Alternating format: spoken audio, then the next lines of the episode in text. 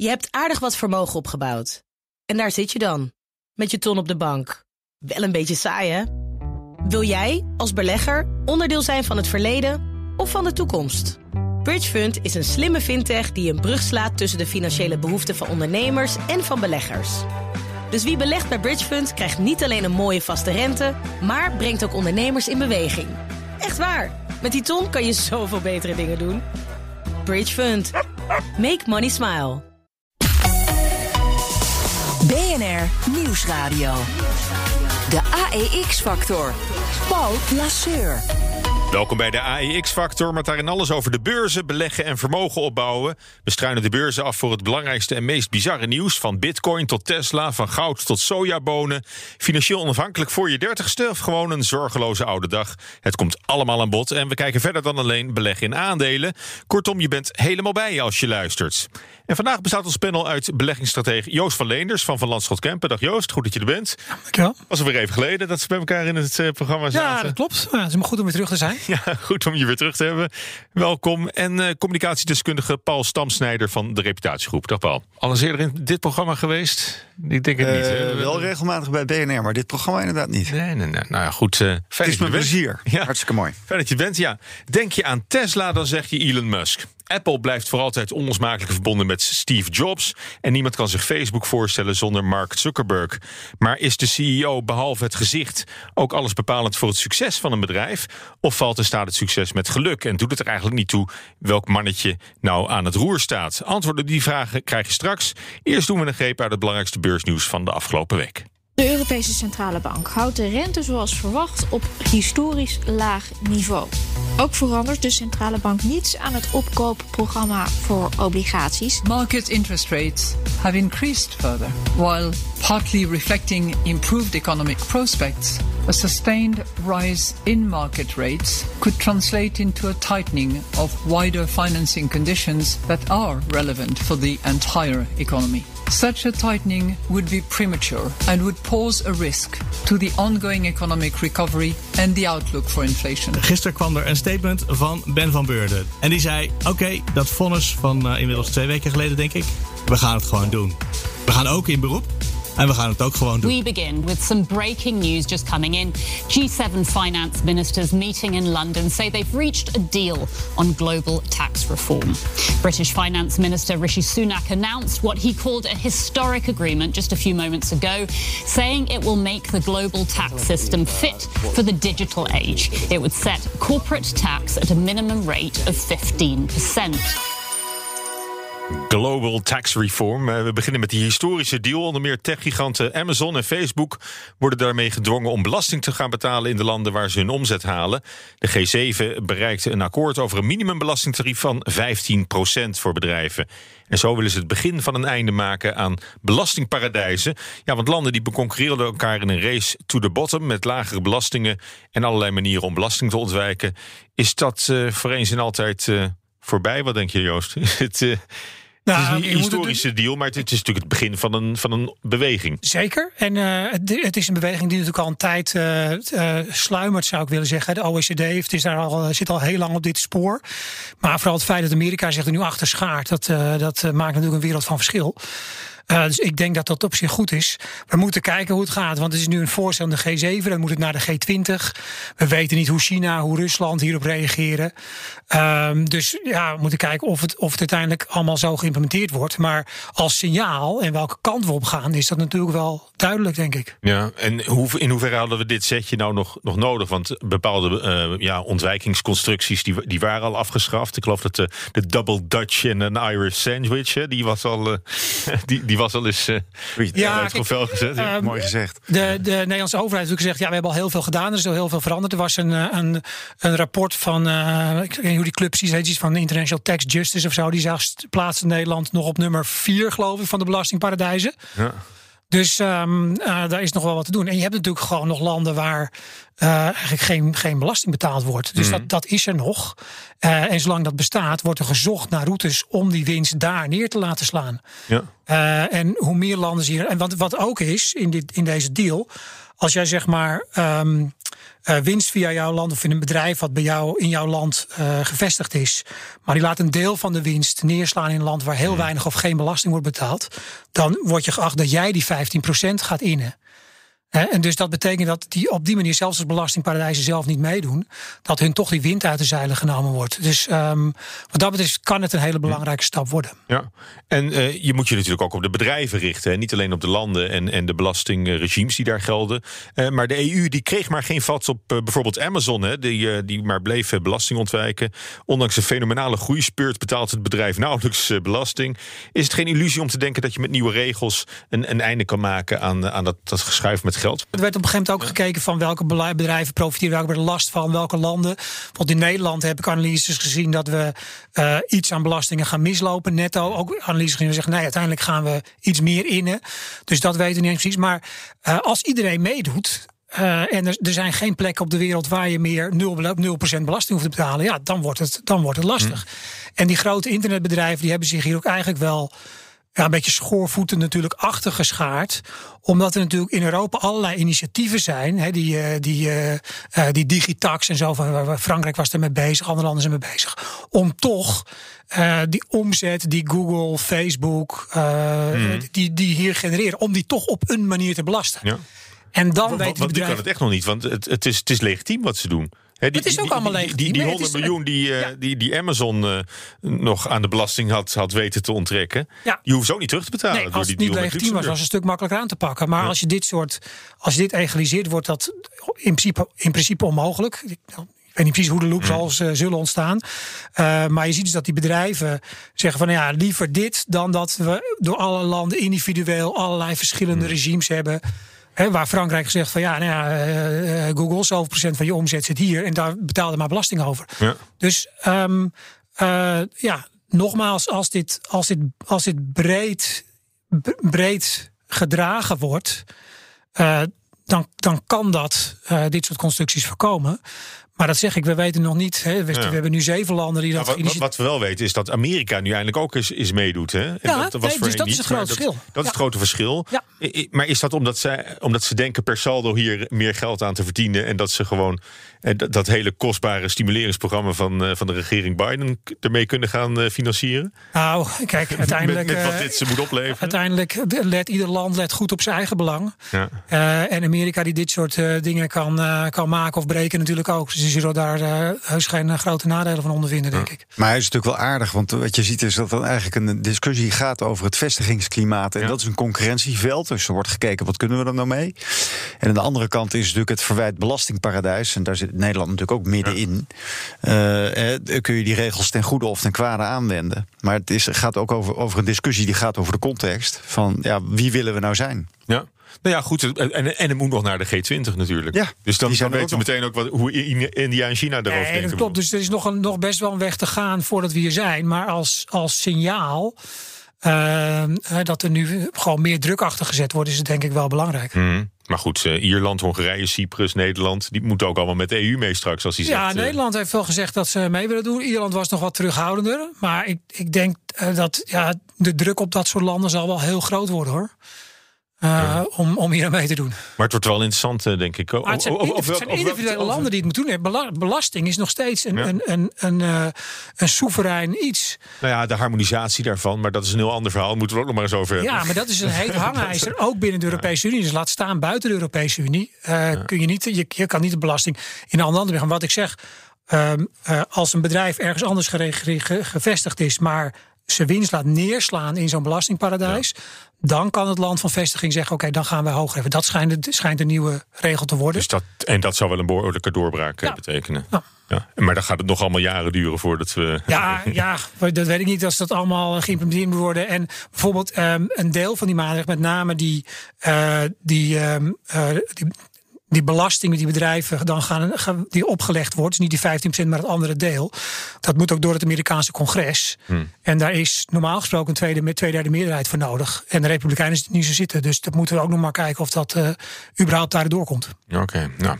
Ik ga nu hebben over, over rappers en andere bekende Nederlanders. Want eh, steeds vaker leer je eh, beleggen, bijvoorbeeld in crypto's, van, van dit soort types. Via filmpjes op so- social media kunnen ze hun grote schare fans aanmoedigen om in allerlei obscure beleggingen te stappen. Stappen. En de toezichthouder AFM die waarschuwt nu voor de invloed van deze finfluencers, zoals ze dan al heel snedig worden genoemd. En er komt een onderzoek over van, van AFM. Ja, goed, met hun berichten kunnen ze ook flink invloed uitoefenen op de koers van aandelen. Denk maar aan de hype rondom GameStop, hoe dat werd, werd gemanipuleerd. Um, ja, onderschatten we hun, uh, hun invloed uh, niet ook een beetje? Dat, uh, nou, dit, dit, dit, dit, dit, is, dit is reputatie. Het gaat over reputatie. nou, het, het bijzondere daaraan is dat die influencers of finfluencers... die worden natuurlijk ingezet als een soort uithangbord, als boegbeeld... Uh, voor een hele beweging. En uh, de, eigenlijk als een soort marketinginstrument. En tegelijkertijd, uh, ja, op, op, wie richten ze zich? Die richten zich op Waarom? een, een, een doelgroep die misschien is te kwalificeren als iets wat naïef. Dus die zorg die is natuurlijk eigenlijk heel terecht. Van, het zijn ook een beetje de rattenvangers van Hamelen. En uh, het is heel goed dat daar wat regelgeving voor komt. Want ja, je trekt toch uh, uh, eigenlijk de wereld naar een verkeerde hoek toe. Ja. Maar goed, en, maar het, het zijn niet alleen maar. Uh, het zijn ook mensen waarvan je denkt van die zouden van de financiële wereld ook wel enig verstand moeten hebben. Zoals uh, Elon Musk, hè, internationaal natuurlijk een bekend voorbeeld. Maar dan niet in zijn rol als, uh, als topman van, van Tesla, maar gewoon als, als, ook als een soort superster. Hè, die met één enkele tweet bijna wekelijks de koers van Bitcoin of Dogecoin aan het schommelen brengt. Nou, wij, wij hebben rapper Boef dan in eigen land. Hè? Ja, Elon Musk en rapper Boef, dat zit natuurlijk een beetje in een vergelijkbare categorie. Maar wat, wat het zorgelijke is, als je het echt hebt over financiële bewustwording in de brede zin. Uh, en dat geldt zowel voor rapper Boef als voor Elon Musk. Uh, toch wonderlijk genoeg. Die doen niet op alle fronten uh, wat bij wat achteraf beschouwd heel te valt te kwalificeren als wijsheid. Laat ik het wat omvloerst zeggen. Ja, maar aan de andere kant, iedereen ja, je, bent, je bent ook vrij om te doen en te laten wat je, wat je wil natuurlijk. Hè? Waarom zou je niet uh, achter Elon Musk aanlopen? Nou, dat moet, iedereen, dat moet iedereen natuurlijk zelf weten. Kijk, ik denk als je, als, als je, hier, als je hier naar luistert, hè, als, als belegger, in brede zin van het woord, dan denk ik dat je twee dingen uh, voor jezelf moet bepalen. Ten eerste, geloof je wat diegene zegt en denk je dat diegene daar verstand van heeft en daar onderzoek naar gedaan heeft? Uh, dat is het eerste. En ten tweede, wat voor, is, er, is er een belang? Heeft diegene een belang? Kijk, eh, in, in de financiële, ook in de financiële wereld en ook bij financiële instellingen zijn allerlei voorbeelden van hmm. dingen die, die hè, waar de, het, klant van het belang van de klant niet voorop stond, maar het belang van het bedrijf voorop stond. Laat ik dat zeggen. Maar als je kijkt, die, die, die regulering is natuurlijk sterker geworden. Hè, met MIFID in Europa, met uh, ja, weet ik veel, je hebt een CFE-registratie, hmm. DSI in Nederland. Hè, wij, wij, moeten allerlei dingen voldoen. En al, allerlei, er wordt, er wordt altijd, eigenlijk wordt, moet je ook zeggen, of je moet ook zeggen, volgens mij, als je bepaalde posities hebt. Hmm. Als ik over een aandeel ik praat eigenlijk nooit over individuele aandelen. Maar als ik dat doe, dan moet ik zo zeggen van ja, heb ik daar een belang bij of niet? En dat moet je denk ik als uh, ook in de gaten houden. Ja, maar Joost, het, kijk, er zijn toch een heleboel. Uh, er zit een boel naïviteit in de wereld. En uh, op het moment dat iedereen naar naartoe wordt gelokt, dan is regelgeving toch ook heel logisch. Nee, dat is ben ik helemaal eens. Dus, dus mijn, prudent dus- financieel ja. beleid hoort toch bij ja. dat er regels zijn waarbinnen dingen wel of niet ja. kunnen. Maar, maar nee, moet, je dat ook af, moet je dat ook afdwingen? Moet er een toezichthouder inspringen en zeggen van ho ho, een verbod bijvoorbeeld op dit soort filmpjes? Dat is een kwestie van smaak, maar ik zou volmondig ja zeggen. Omdat er zijn natuurlijk ook mensen die, uh, die zullen zeggen van ja, Elon Musk is zelf heel rijk. Dus als hij dit aanbeveelt, dan ga ik dat ook doen. Hmm. Die naïviteit die is er. Nee, maar op jou, kijk, ik, wat ik eigenlijk wilde zeggen, inderdaad, die financiële wereld is gereguleerd, dus dat zou je ook moeten doen. Maar in, mhm. in principe zou je kunnen zeggen, iemand uh, buiten de financiële wereld die iets zegt over een aandeel, is niet anders dan iemand binnen de financiële wereld. Exact, dat is waar. Maar de regels zouden wel uh, uh, gelijk moeten zijn. Ja, een gelijk speelveld. Ja, en daar, daar ben ik het helemaal mee eens. Ja. als we even inzoomen op uh, het cryptobedrijf Expose Protocol, hè, dat, daar was veel om te doen. Bekende namen als Ajax-directeur Mark Overmars is daarbij betrokken. Al, alweer rapper Boef. het bedrijf heeft kenmerken van een piramidespel. En toen bemoeide ineens Rabi Safi zich ermee. Ja, ook een influencer, bekend als De Belegger. En toen gebeurde het volgende. Waarom zou iemand die miljoenen volgers heeft op Instagram, dus ontzettend beroemd is en misschien wel tientallen miljoenen mensen bereikt in Nederland. Mij, een nietsnut met 20.000 volgers, die op Instagram gewoon zijn visie, zijn beleggingen, dat soort zaken deelt, bedreigen en intimideren en mensen op me afsturen en mijn adres delen op Instagram. Ja, we kregen een soort eh, gangsterruzie kregen te, te, te, maken. Um, Ja, dus je kan ook niet echt uh, wachten tot ze, tot ze zichzelf gaan reguleren. Nee, nee. Kijk, wat, wat, het, het, het loopt helemaal uit, uit, de hand zo. Kijk, we zijn natuurlijk met z'n allen ook door alle regulering na de kredietcrisis, om het maar zo te zeggen, ook een beetje regelmoe. Uh, de risicoregelreflex die is heel erg uh, groot geweest. Dus je wil in die zin ook ruimte houden voor ondernemerschap. Mm. Uh, maar de downside is dat op het moment dat je dit niet aan banden gaat leggen, uh, dan uh, komt dat het financieel bewustzijn in de samenleving niet ten goede. Nou ja, maar er, er, er sluipt ook een zeker spelelement in. Hè? En mensen hebben geld overgehouden tijdens de, tijdens de crisis. Ja. Heel veel jongeren zijn gaan beleggen, om, ja. om, omdat het ineens kon, ja. omdat ze verder niks te, te doen hadden. En dan, dan is het toch ook niet zo raar als je, als je deze. Hè, het is een beetje een casino-element wat, wat, wat erin komt. Is, ja, is, maar, is dat zo kwalijk? Ja, maar um, uh, iets met achteraf en vooraf. Ik denk dat de toezichthouders die kijken natuurlijk zeer kritisch van laten we nou een aantal problemen voorkomen. Uh, want nogmaals, die rattenvanger van Hamelen, als iedereen daar achteraan gaat hobbelen en uh, daar worden relatief jonge beleggers geraakt en dat heeft zoveel negatieve bijeffecten en dat is zo schadelijk. Ja. Daar moeten we toch prudent mee omgaan. Maar moet het dan meer zoals in China, waar ze in ja, een groot aantal accounts van Bitcoin influencers hebben ge geblokkeerd? Ja, dat is, dat is bijzonder om een voorbeeld te nemen aan China, want daar is, is de cultuur natuurlijk ook iets maar anders. In dit geval zeg je bijna van. Uh, nou, ik denk wel dat, dat je kunt het niet onweersproken laten. En of dat nou nieuwe regels zijn, of het is een ander gesprek, of uh, misschien zelfs wel een reclamecode of wat erop lijkt. Je, je, je, zult die grenzen in moeten stellen. Kijk, we zijn natuurlijk ook het land van de koopman en de dominee. Uh, en de koopman is prachtig, maar als de dominee niet heel af en toe de kop opsteekt, dan loopt het ook uit de hand. Dus daar moeten we ook op letten met elkaar. Okay. Ja, wat je, kijk, wat je zei over dat, dat spelelement en dat gokken. Weet je, kijk, uh, natuurlijk prima, maar het gaat wel om echt geld. En als jij uh, weinig ervaring hebt en je steekt iets in een heel risicovol één bedrijf of, of, of één uh, crypto en je, en je bent het kwijt, dan is dat, dat is natuurlijk wel heel vervelend. Dus je moet, je moet mensen wat dat betreft wel een beetje tegen zichzelf beschermen. Ja, opvoeden en aan de hand nemen. Net als elke week is Wesley Weerts aangeschoven om vooruit te blikken naar volgende week. Want dan komt de Fed, de Amerikaanse centrale bank, bijeen. Wat kunnen we daarvan verwachten, Wesley? De pandemie die, uh, lijkt op zijn retour. De economie komt weer ook op uh, stoom. En tegelijkertijd loopt de inflatie in uh, rap tempo op. En volgens sommige economen is het dus ook hoog tijd om die rente te verhogen. En die gigantische pandemie-opkoopprogramma's af te bouwen. Alleen de hamvraag is of de Fed inderdaad zijn steunpakket versneld gaat afbouwen. Deze week vergaderde in ieder geval alvast de Europese Centrale Bank. En die vindt het voorlopig nog niet nodig om aan die renteknoppen te draaien. Of om te beginnen met het stopzetten van die pandemiesteun. Uh, zij zeggen ook wel, ja, de inflatie loopt, uh, loopt weliswaar op. En die stijgt waarschijnlijk ook de komende maanden nog verder. Maar toch verwacht de ECB dat die inflatie daarna weer daalt. dus er is ja, weinig reden om dan tot actie over te gaan. En de Fed, die zit vooralsnog op dezelfde golflengte ongeveer. Ook die bankenkoepel, ja, die, die, die heeft er steeds op gewezen dat die inflatie dat dat een tijdelijk verschijnsel is. En dat dat wel weer overwaait. Um, dus ja, bij deze vergadering hoeven we waarschijnlijk nog geen vuurwerk te verwachten. Uh, maar de Fed kan die vergadering wel aangrijpen om uh, de discussie een beetje te starten hè, over het afbouwen van die steunprogramma's. Uh, want dat kun je niet van de een op de andere dag doen, want dat zou ja, voor heel veel onrust zorgen. dus uh, ja, echte concrete stappen hoeven we nog niet te verwachten. Die kunnen we later dit jaar verwachten. Uh, maar er kan wel een beginnetje gemaakt worden, qua woorden in ieder geval. Maar goed, deze week werd bekend dat de inflatie in de Verenigde Staten met 5% fors hoger uitvalt dan uh, was verwacht. Ja, dan kan je zeggen dat is een momentopname. Maar ja, ook niet heel veel ruimte heb je dan om uh, te wachten met stappen. Nee, dat zou je kunnen zeggen. En die inflatie die stijgt ook door de krachtige opleving van de economie. Die, die, die opleving die wordt deels uh, veroorzaakt door de versoepelingen van de lockdowns. Maar ook uh, deels door, uh, ja, door al die massale steunprogramma's van de centrale banken en de regeringen. Nou, daardoor zien we ook de vraag naar allerlei grondstoffen en computerchips toenemen. Ook andere onderdelen stijgen in prijzen. en, en in principe komt het erop neer dat de vraag het aanbod overstijgt. En dat betekent dat je over de hele linie dus allerlei prijsstijgingen ziet. maar daarbij moet je wel twee dingen beseffen.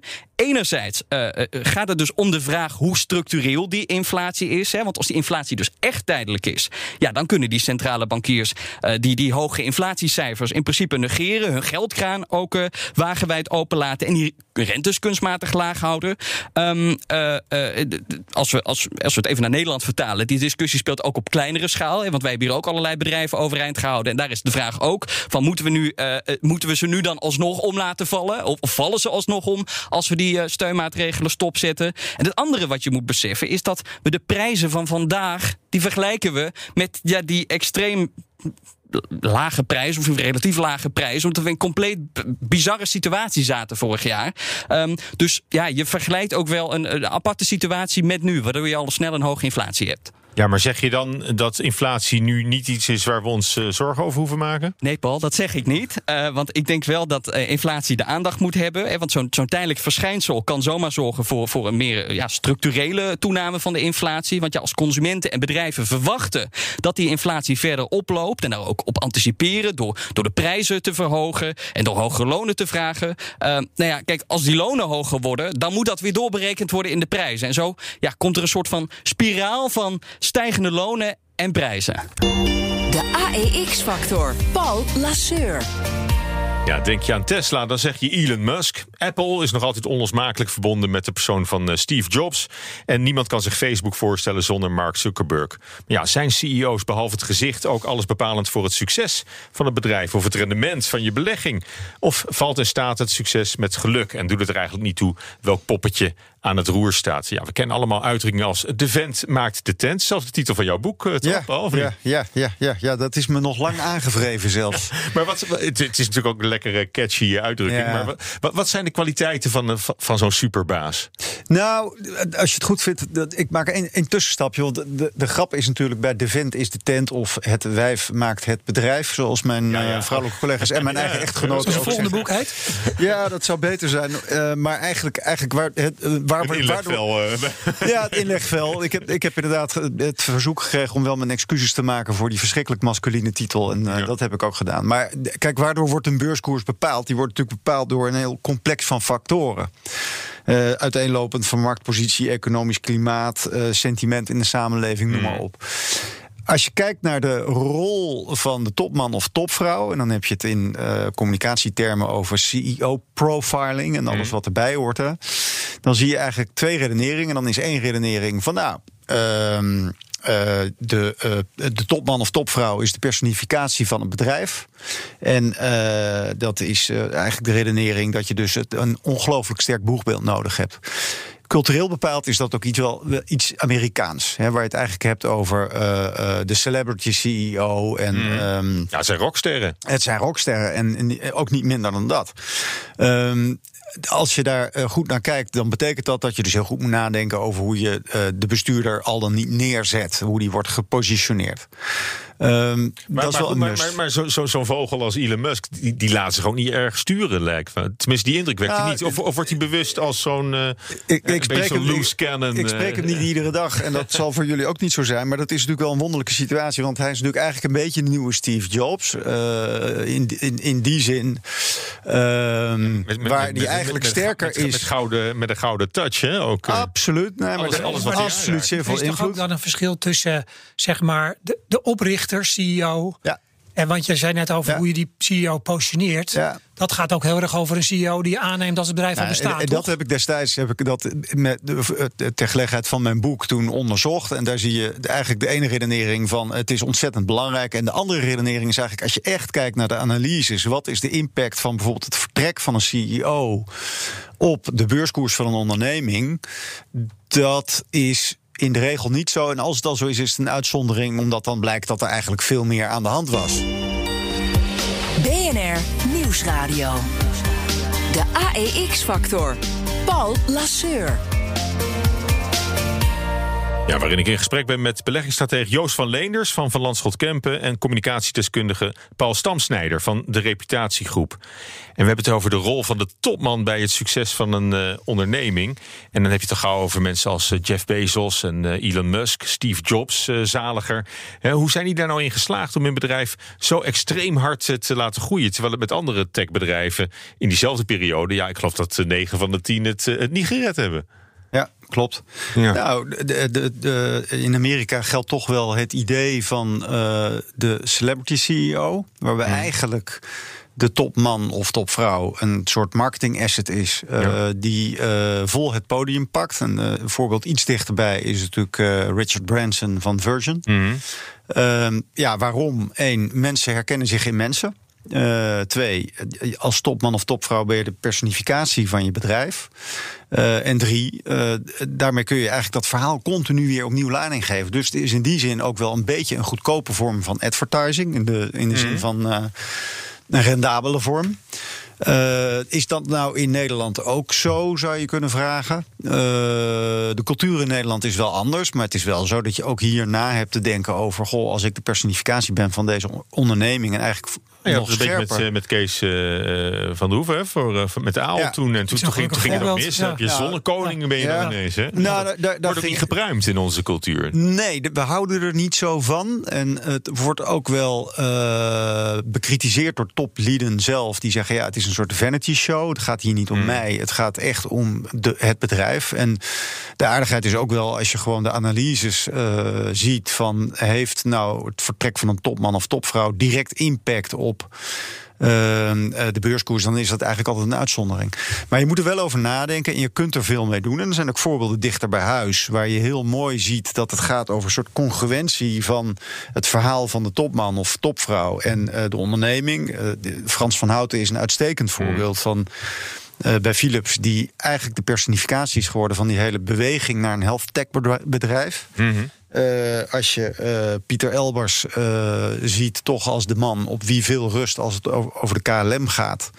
En een iets ander perspectief. VNO-NCW is ontzettend goed nagedacht over het profiel en eigenlijk de, de propositie van Ingrid Thijssen als nieuwe voorzitter, uh, waarbij heel zorgvuldig is gekozen voor uh, het verhaal over brede welvaart. Mm. Dus een mechanisme is in die zin vergelijkbaar. Maar, goed, maar als je, als je namens de, de, werkgevers, dan, dan, dan, snap ik ook wel dat, dat je uh, persoonlijkheid en de ja. uitstraling daarbij ja. een belangrijke ja. rol speelt. Maar even als je, als je daar als, als belegger naar kijkt, Joost. Nou, kijk, wat, wat natuurlijk. Ne, nemen jullie de, de, de figuur, de persoon van de topman mee in jullie, in jullie analyses? Ja, nou, het hele management, natuurlijk. Zeker, ja, zeker. Als je kijkt naar, naar onze echt onze aandelenbeleggers. Die kijken naar de cijfers. Uh, en die kijken ook zeker naar het managementteam, de continuïteit, de visie.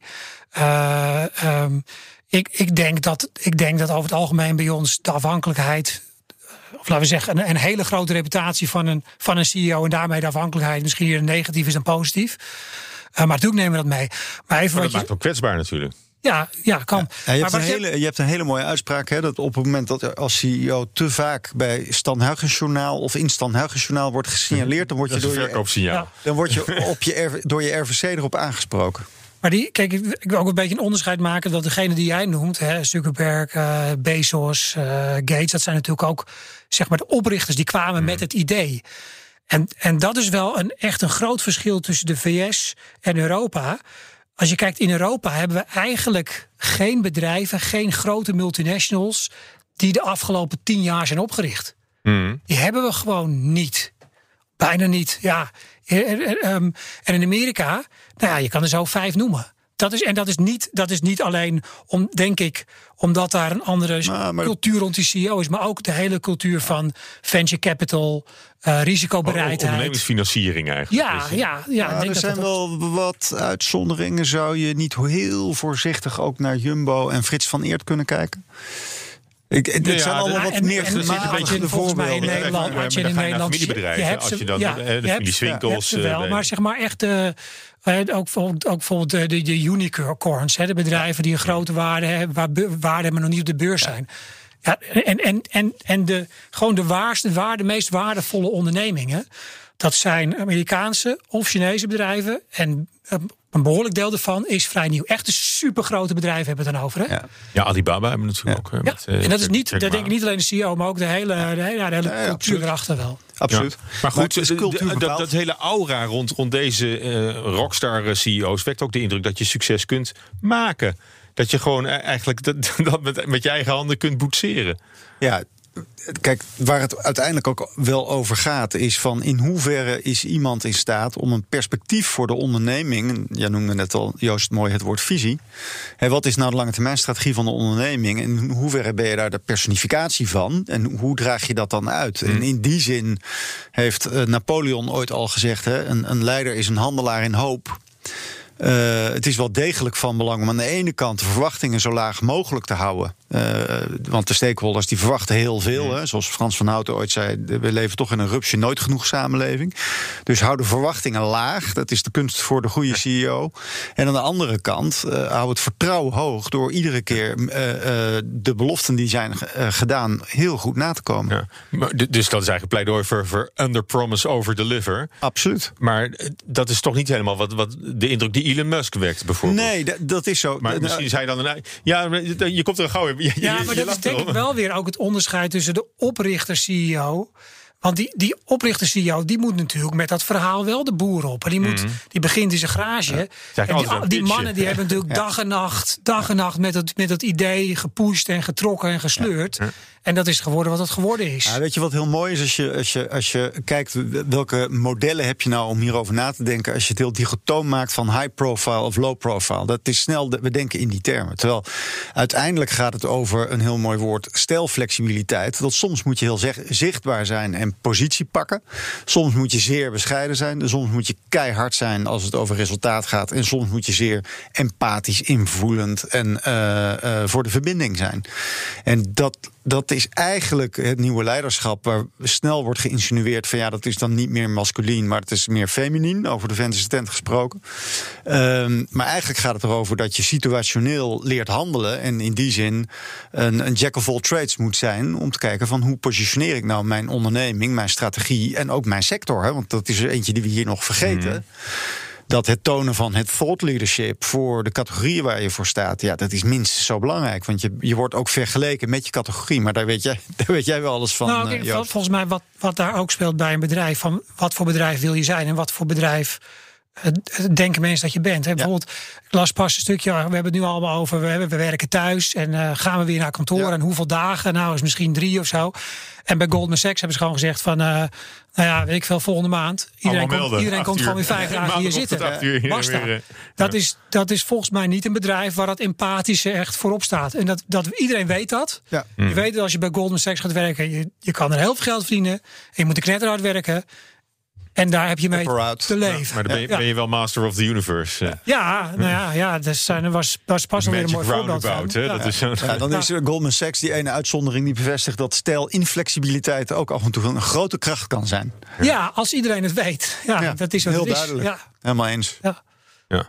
Maar goed, het, het, het, zijn toch diezelfde mensen. Van- Ook eh, Bezos heeft bij de beursgang in 1997, is ook alweer, die draait alweer een heel tijdje mee Ja. hè, met eh, Amazon. Ja. Toen waarschuwde hij al voor de kans van 70% dat het bedrijf zou mislukken. Ja, ja, he did it. Ja. En, hij, eh, was, hij was aan de voorkant super duidelijk. Ja. Maar goed, en, en, en het is ook niet Musk zijn eerste bedrijf natuurlijk. Hè? Nee. Wat, waar had hij nou zijn fortuin mee gemaakt? Met eh, PayPal of zo? Of met een, eh, ja, volgens mij, ja, dat, ja, ja, dat zou kunnen. Maar in ieder geval. Maar de, grap, de grap is daar, kijk, Amerika is, eh, we hebben het over de cultuurverschillen en dat het moet passen in de cultuur van een land. Het zijn cowboys. Om het toch licht generaliserend te stellen. Dus daar mag dat. Als je dat in Nederland zou doen, ja, een faillissement. Dan moet je eigenlijk niet aan je, aan je, aan je fiets hebben hangen. Dat vinden mensen toch niet zo prettig. We Maar vind- veel risicomijdender. Kijk, eh, Tesla's, Tesla's dat, dat misschien komt dat waar Amazon staat. Maar dat is natuurlijk een, ook een heel ander bedrijf. Hè. Kijk, een, een bedrijf als Amazon of Facebook heeft natuurlijk enorm voordeel van die netwerkeffecten. Mhm. Op een gegeven moment, iedereen, iedereen wil gewoon bij Facebook. Ja, mijn kinderen niet meer, geloof ik. Maar, hè, want, want iedereen zit daar. En, en Tesla heeft natuurlijk eh, eh, technologisch een hele, hele goede, goede doorbraak. Hè, als je kijkt naar de actieradius van die auto en dergelijke. Maar niet iedereen gaat in een, niet iedereen wil in een Tesla rijden. Op een gegeven moment, als iedereen een Tesla heeft, wil jij weer een andere auto. Dus die netwerkeffecten zijn daar minder.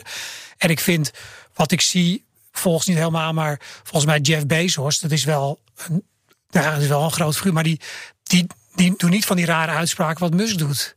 En wat Ja, Musk hij met die, wel met een raket naar de, naar, naar de, nou niet naar de maan, maar de ruimte in. eh. Ja, maar goed, Bezos, die is, die, Bezos show. volgens mij ook niet, zo, ook niet zo met milieu bezig. Ik denk bijvoorbeeld, weet je dan, eh, Elon Musk die zegt dan van ja, je moet geen crypto, of die crypto dat moet duurzamer. En ondertussen is hij met, met particuliere Met ruimtevaart bezig. Ja. Maar ja, dat is natuurlijk ook wel Amerika waar men houdt van show. Kijk, in Nederland, als wij een minister van Volksgezondheid hebben met bijzondere schoenen, dan vinden we dat al eigenlijk too much. Maar Bezos is niet zo'n showman, toch? Nee, Bezos niet, maar Musk wel. Ja, nee, ja. Ja. Dus Ja. die gaat natuurlijk eh, graag over het lijntje heen. Ja. Maar goed, maar de indruk die dat wekt op, op ons Nederlanders Ja. is, dat ze, is dat ze ook heel dominant zijn. Dus dat ze ook niet in staat zijn, moeten worden geacht eh, om, eh, om zich heen een, een managementteam eh, te creëren. Nee, nee kijk, we hebben Wat die... een beetje die scherpe kantjes eraf Precies, haalt. Of die voor de continuïteit zorgt. Ja, dat, dat- dat, is natuurlijk bij, bij eh, volgens mij, want inderdaad bij, eh, bij Amazon gaat, gaat Bezos ook een stap terug. Dus we moeten kijken hoe dat gaat. Maar Amazon is natuurlijk, als je daar vanuit beleggingsperspectief naar kijkt, een bedrijf wat enorme omzetgroei en ook enorme winstgroei genereert. Dus het is een, het is een hooggewaardeerd bedrijf met het idee dat die winstgroei blijft. Maar als je dat, als je dat vergelijkt met Tesla, bij Tesla zit er echt nog wel veel meer hoop in dat aandeel. Veel meer hoop dat ze dat kunnen volgen. Dat is wat dat betreft veel meer gehyped. Ja. Het, het staat misschien minder ver in de cyclus, maar ik denk dat het ook hele andere bedrijven zijn. Maar de vraag is ook hoe het wordt verkocht. Het past ook heel goed bij de stijl van dit soort bedrijven om met een hele duidelijke horizon stevig op te pompen en eh, vol op het orgel. Ja. Die, gaan er, die gaan er gewoon helemaal vol in. En eh, ja, dat is een andere cultuur dan die we hier in Nederland hebben. Maar goed, maar Bezos die, die doet een stap opzij. Hè? Die doet Ja. niet een stap, stap terug, kun je zeggen.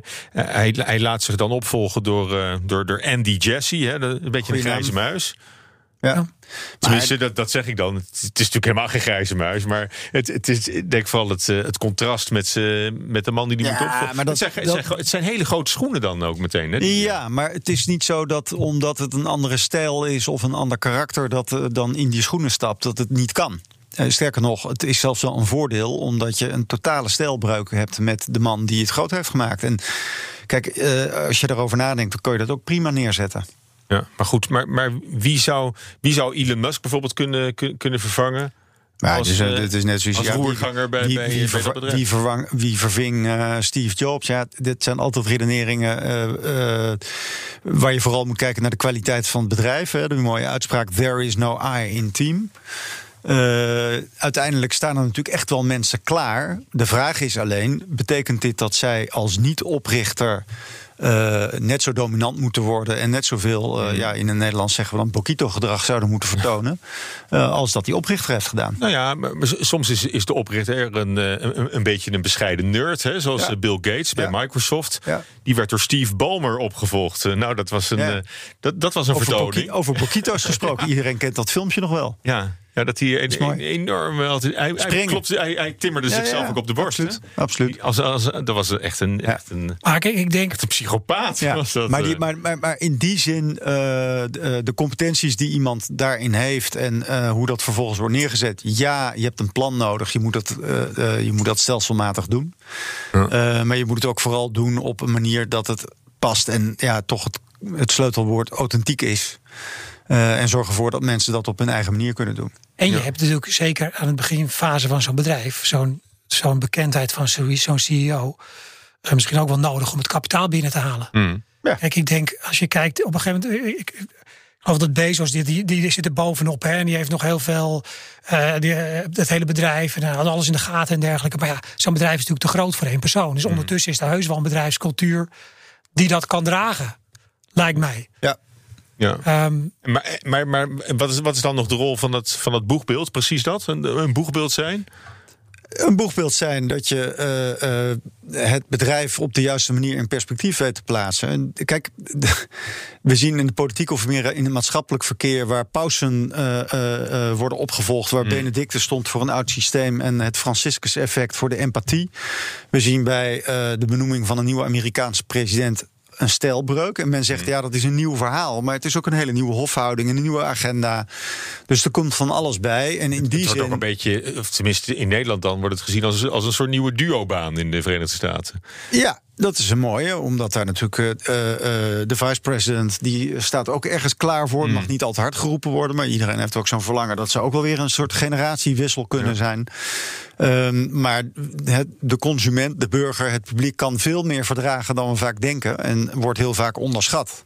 Dus het is niet één trucje dat voor eeuwig moet zijn. Daar moet je juist ook in variëren. En uh, je kunt het juist gebruiken om ook een nieuwe fase in te luiden. Dus de symbolische waarde van een nieuw kid on the block, uh, de nieuwe kapitein op het schip. Ja, daar, daar kan je heel goed gebruik van maken om die nieuwe agenda kenbaar, kenbaar te maken. Dus dan is het eigenlijk iets wat je, wat je moet omarmen. Is ook, ook ja. wat je, je moet toch vooruit. Hand, handel ja, kijk, van als, als de omstandigheden voor zo'n bedrijf wijzigen dan kan best uh, uh, op een gegeven moment een sterke CEO nodig zijn om te zeggen, nou dan moeten we ook, ook de strategie mm. van het bedrijf wijzigen. Ik denk dat ja. Philips daarvan een voorbeeld is. Absoluut. Je had natuurlijk die Carlos Goon heet hij geloof ik. Mm. Hè? Die bij Nissan en uh, Renault. Nou, het is niet zo goed met hem afgelopen. Ja. Maar die heeft wel... Waar zou die nu zijn? zeg je? waar zou die nu hij zijn? Hij zit in Libanon, maar ja, hij kan Libanon precies. niet uit. Ja. Exact. Maar hij heeft, hij heeft, ja, in, in hij heeft Nissan, toch, hij heeft Nissan wel uh, min of meer van de ondergang gered. Door een, door een heel strak beleid, heel erg op kosten. Um, dus dus het, het kan best ik ga niet hier zeggen dat de CEO opeens mm. overbodig is. Ja. Zeker niet. Nee, maar goed, de, uh, Nadella is nu de topman van Microsoft. Tim Cook bij, uh, bij Apple. Ja. Dat, dat zijn toch uh, een beetje technocraten, zou je bijna zeggen. Veel, ja, het veel... gaat toch prima met die bedrijven? Het, het gaat, gaat heel goed met die bedrijven, maar ze, ze hebben absoluut niet een profiel wat te vergelijken nee, is met maar ze, zijn ook voor, ze zijn ook hun rol. En dat is prima dat ze dat op een andere manier doen dan uh, dat dat in een eerdere fase. Uh, met, met bedrijven die, die, misschien wel twee, drie keer zo groot zijn ja. als, nou, als wat, wat, we, wat overgedragen kregen. De analogie wat ik in dat boek De, de Ventische Tent vond. Van, hè, kijk bijvoorbeeld naar een fenomeen als de monarchie. En als je kijkt naar het verhaal van Juliana of Wilhelmina of Beatrix en nu Willem-Alexander en eigenlijk ook Amalia, zoals we ook vandaag zien. Zorg dat je uh, in de tijdgeest past. Mm. En uh, als je niet de spiegel bent van de tijdgeest, dan moet je jezelf afvragen of dat oké okay is. En zo, als je hem overzet naar bedrijfsleven of naar een merk, moet je eigenlijk zeggen van ja, je bent in die zin de drager van de agenda, de vaandeldrager van de agenda. Ja. En uh, dat verandert en dat is ook maar goed ook. Dus uh, laten we vooral hopen dat volgende generaties beter, slimmer, empathischer, krachtiger, effectiever en waardevoller zijn dan de vorige. Ja, goed, maar zo'n zo, zo bedrijf is natuurlijk ook een. Je creëert ook een monster hè, met, met zijn eigen. Uh, ja, met, met, met, met zijn eigen leven eigenlijk. Hè? Dus je, denk, denk ik dat je, als je zo'n grote onderneming hebt met al die, al die verschillende bestuurslagen daarin. je kunt ook zeggen. Toch wel dat, mee over, die, nee, maar over het publieke profiel. Dat, dat, is niet eenvoudig, maar in die zin dat is wel redelijk overzichtelijk. Dat ja. hè, in het brein uh, kunnen we niet heel veel complexiteit aan. En de meeste afdelingen corporate communicatie bijvoorbeeld, mm. die denken daar hartstikke goed over na. Uh, in de regel.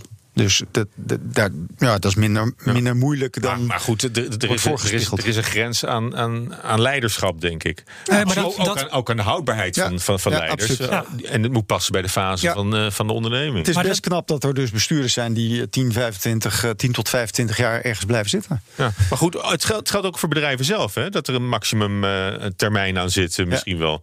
Misschien, ik, van weer Jeff Bezos, die, die zegt dat bedrijven een levensduur van ongeveer 30 jaar hebben. Niet, en niet van 100 ja. jaar of meer. Okay, en dan, Moderne bedrijven. Paul, dan zeggen de Japanners, die zeggen juist, dat vind ik een fantastisch inzicht. Die zeggen, eigenlijk is een bedrijf pas volwassen na 25 jaar. Ja. He, en... oh, ik dacht je ging zeggen na 200 jaar of zo. Dat, nee, dat ze echt, echt een beetje zoals nou, de Chinezen. Nee, ze... de, de, de, de, de Chinezen zeker ook. Maar de, zeker de Japanners, die hebben dat dynastieke denken zeg ja. maar heel erg uh, in hun cultuur zitten. En ik denk dat dat bij bedrijven ook wel vaker erin mag zitten. Want ja, er worden natuurlijk kleuters naar de universiteit gestuurd. Uh, om het maar zo te zeggen. Een bedrijf heeft tijd nodig om te rijpen en te groeien en zich te ontwikkelen. Ja. En dat, doe dat vooral evolutionair en niet met allerlei schokken. Ja, maar goed, dat, dat, ja. dat, vraagt natuurlijk, dat staat of valt natuurlijk met, uh, met het adaptievermogen van die bedrijven. Ja. Als je ja. kijkt, de bedrijven die op een gegeven moment ten onder gaan, die zaten in een bepaalde sector, een bepaalde techniek. Die niet meer nodig was. Hè? Kodak. Kodak. Ja, ja, nou, Kodak ja, die, al, precies, het, precies hetzelfde. Ja, die bleven maar gewoon foto's maken. En Blackberry, maar, Nokia maar, ook. Maar, ja, kijk, maar dan, dan, dan, dan gaat, onderken, onderken je die gevaren en ben je op tijd heb je op tijd de mogelijkheid om dat bij te sturen en jezelf opnieuw uit te vinden. En misschien wel iets heel anders te gaan Maar doen. kijk eens naar een bedrijf als, eh, als een, als een eh, PostNL. Hè, de, eh, eh, eh, toen er nog iedere dag post werd bezorgd in Nederland en er nog weinig pakketjes waren en eh, digitalisering nog niet zo sterk was ontwikkeld. Nou, die hebben echt eh, eh, een soort stille revolutie doorgemaakt. Het is nu inmiddels eigenlijk gewoon een pa- pakkettenbedrijf geworden. Ehm, en eh, die hebben altijd heel goed en zorgvuldig gekeken naar het fenomeen timing. Eh, niet te veel issues tegelijk, voor zover je dat überhaupt kunt. Hè, moet je ook een beetje geluk mee hebben. Maar daar is echt wel gezegd van oké, die transformatie die we zien, die kost gewoon eh 10, 15, 20 jaar. Dat gaan we stap voor stap doen. Nemen we alle stakeholders in mee en eh, eh, dat gaan we heel steady doen. Maar niet met het idee van nou, we worden vandaag wakker en volgende week dan is de boel totaal anders. Dus geleidelijkheid. En, en, en eh, het fenomeen tijd, dat kun je dus ook in je voordeel gebruiken. En wat je zegt over die, over die houdbaarheid van bedrijven. Hè? Ja, of over de eindigheid van succes. Of, of dat, je, dat, je- dat, dat het minder explosief is Kijk, natuurlijk. wat, en wat is, dat is soms dat is ook wel weer een nadeel dat van die bedrijven zo heel groot zijn. Kijk, een bedrijf als Facebook, ehm, die koopt natuurlijk ook heel veel potentiële concurrenten, kopen zij op. Hè, dus dus misschien dat we op een gegeven moment. om, je, om je monopolie te... eh, Ja, en ook omdat ze die techniek willen hebben en dergelijke. Maar dus het kan heel goed zijn dat dat bedrijf over 15 jaar nog bestaat. Ja. Maar niemand meer Facebook gebruikt, want we hebben iets anders. Hmm. Maar dat ze ondertussen iets heel anders doen. Ik bedoel, ja, als ik het wist, zou ik solliciteren bij Facebook. Die Maar hebben gewoon een hele diepe Ehm, zakken. Dat is wel wat je nu ziet. En, en dat is ook wel. Daar is, ehm, daar is denk ik de afgelopen tijd wel eigenlijk een beetje te weinig aan gedaan. Hè? Die hele. ehm, ja, eh, hele competitieregelgeving, concurrentieregelgeving. Dat is in de VS is daar weinig aan gedaan. Dat zie je nu ook weer een beetje terugkomen. Om dat toch die dynamiek erin te houden. Maar is dat een, na- een nadeel daarvan is natuurlijk dat als, als je je concurrenten gewoon uit de markt koopt, dat je ook eh, de innovatie geen dienst bewijst. Omdat je, eh, omdat je dan gewoon verder kan. eh, Ja, dat hangt iemand die iets slimmers heeft ver- verzonnen, en die koop je gewoon op. Maar ja, als ik, geen nou, als ik nou denk, als ik iets, heel slims ver- verdien en ik verdrijf, ver- verkoop mijn bedrijf aan, aan Mark Zuckerberg, dan wil ik nog best iets slims bedenken. Ja. Maar, Maar je, je hebt natuurlijk een, een monopoliepositie met prijzen. Ja. Wat, eh, wat het Wat wel geestig is, is de analogie van deze techbedrijven... die eigenlijk in eerste instantie een heel harde marketingpropositie hebben, veel kopen en tegelijkertijd ook best agressief te boek staan. Eigenlijk was dat in het begin met Microsoft net zo, hè, de monopolist. Dus de analogie is, die kopen gewoon ook voor een heel groot deel markt, die hebben bereik. En zeg maar de ethische de achtergrond eh, over veilig omgaan met data in het geval van een, eh, van een Facebook. Ja, dat komt allemaal later. Want zij denken, eh, kip, ik heb je. Ik heb een enorm bereik en daarna gaan we ethisch doen. Dus eerst kopen en er zijn en die marktpositie opbouwen. Dan komt de rest. Ik voorspel dat als Microsoft, of sorry, dat Facebook enigszins verstandig is, kijken ze ook heel goed naar wat Microsoft heeft gedaan. Gewoon van hoe kunnen we onze propositie nou verbreden? Hoe laat een Zuckerberg zich straks opvolgen door? En dan krijg je als ze een beetje slim zijn, ook wel een andere dynamiek. Waarbij eh, het giving back, het Amerikaanse principe, er veel meer in komt. En dat wordt hem door de gemiddelde Amerikaan ook echt vergeven. Ja. En hij heeft een maar fantastisch dat- bedrijf en- opgebouwd. Maar, dat, maar dan maak je van het eh, opvolgingsmoment juist ook het. eh, eigenlijk een. zet je daar een grote vlag op en dan Ja. zeg je van dit, dit is het moment waarop we ook een andere koers inslaan. Ja, this is the moment. Oké, nou dat lijkt me een mooi slot van deze, van deze uitzending. Hartelijk dank. Vrij naar René. Vroger. Ja, dit is de moment. Communicatiedeskundige Paul Stamsnijder. Wie anders van de reputatiegroep, die, eh, die legde hem eh, neer. En wel. eh, verder was hier beleggingsstratege Joost van Leenders van, van Landschot Kemper. Dank jullie wel. Supermooi, dankjewel. leuk. Dit was de AIX Factor. Ik hoop dat je volgende week vrijdag weer luistert. Vanaf 7 uur op de radio. En dan ook direct beschikbaar als extra lange podcast. En heb je voor ons nou een gouden beleggingstip? Of eh, wil je een vraag stellen aan ons panel? Laat het ons vooral weten door een mailtje te sturen naar aixfactor.bnr.nl. Tot volgende week. Je hebt aardig wat vermogen opgebouwd. En daar zit je dan, met je ton op de bank. Wel een beetje saai, hè?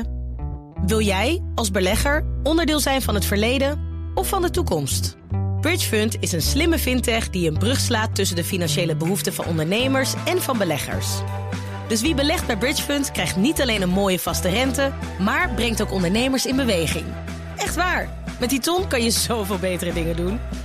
Bridgefund. Make money smile.